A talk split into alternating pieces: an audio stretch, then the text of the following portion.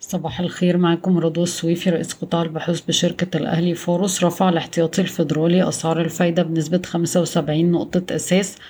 وده بطبيعة الحال هيضغط على العملات في الأسواق الناشئة وكمان هيدفع البنوك المركزية في الأسواق الناشئة إنها تبتدي ترفع أسعار الفايدة بالتوازي. حصل ضعف في سعر الصرف المحلي في الجنيه المصري ل 18 جنيه وسبعة وسبعين قرش قصاد الدولار خلال تداولات أمس. ستظل أسعار الكهرباء للمستهلكين في الشريحة السكنية دون تغيير حتى نهاية عام 2022 على الأقل. انخفض العجز التجاري بنسبة 40% على أساس سنوي في شهر مارس مسجلا 2.3 من عشرة مليار دولار بسبب ارتفاع الصادرات 44% لخمسة ونص مليار دولار مصر وإسرائيل هتزود صادرات الغاز للاتحاد الأوروبي بموجب مذكرة تفاهم تستمر لمدة. ثلاث سنوات وتجدد لفترتين كل منهما ثلاث سنوات. الاتفاقية بتشهد إسرائيل هترسل المزيد من الغاز إلى منشآت الغاز الطبيعي المسال في مصر قبل تصديره إلى الشواطئ الأوروبية. تشارك الحكومة الإيطالية مع وزارة التموين في بناء ست صوامع للحبوب باستثمارات تصل إلى 367 مليون دولار. بعد قرار هيئة التنمية السياحية في يناير 2022 بسحب جزء من أرض مكادي هايتس من أوراسكوم للفنادق. الأرض كانت تقريبا مليون وخمسة وسبعين متر مربع. لجنة التظلمات في الهيئة العامة للشؤون الخارجية قبلت التظلم بتاع أوراسكوم للفنادق. وألغت قرار هيئة التنمية السياحية بسحب جزء من الأرض.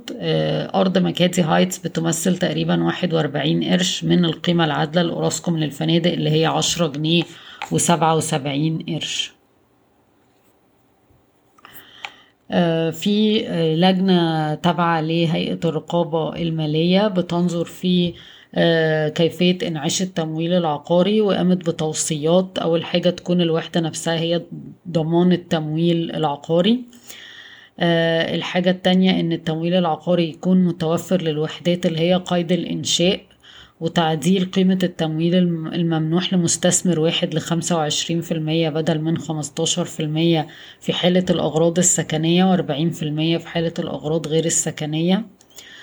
وطبعا يعني لو تم الموافقة على التوصيات دي ده هي هيزود يمكن من نسبة التمويل العقاري وهيعزز المبيعات بشكل عام. تلاتة وعشرين منتج محلي للأسمنت بيتناقشوا مع هيئة المنافسة المصرية. مطالبين بتمديد قرار نظام حصص الإنتاج لمدة عامين لتعزيز قدرة القطاع على مواصلة العمل بدون خسائر خاصة في ظل استمرار الفجوة بين العرض والطلب وكمان في ظل ارتفاع أسعار الفحم الحراري. رميضة وسعت محفظتها واستحوذت على منتج جديد. المنتج ده بسعر من 136 ل 234 جنيه لكل عبوة حسب الجرعة.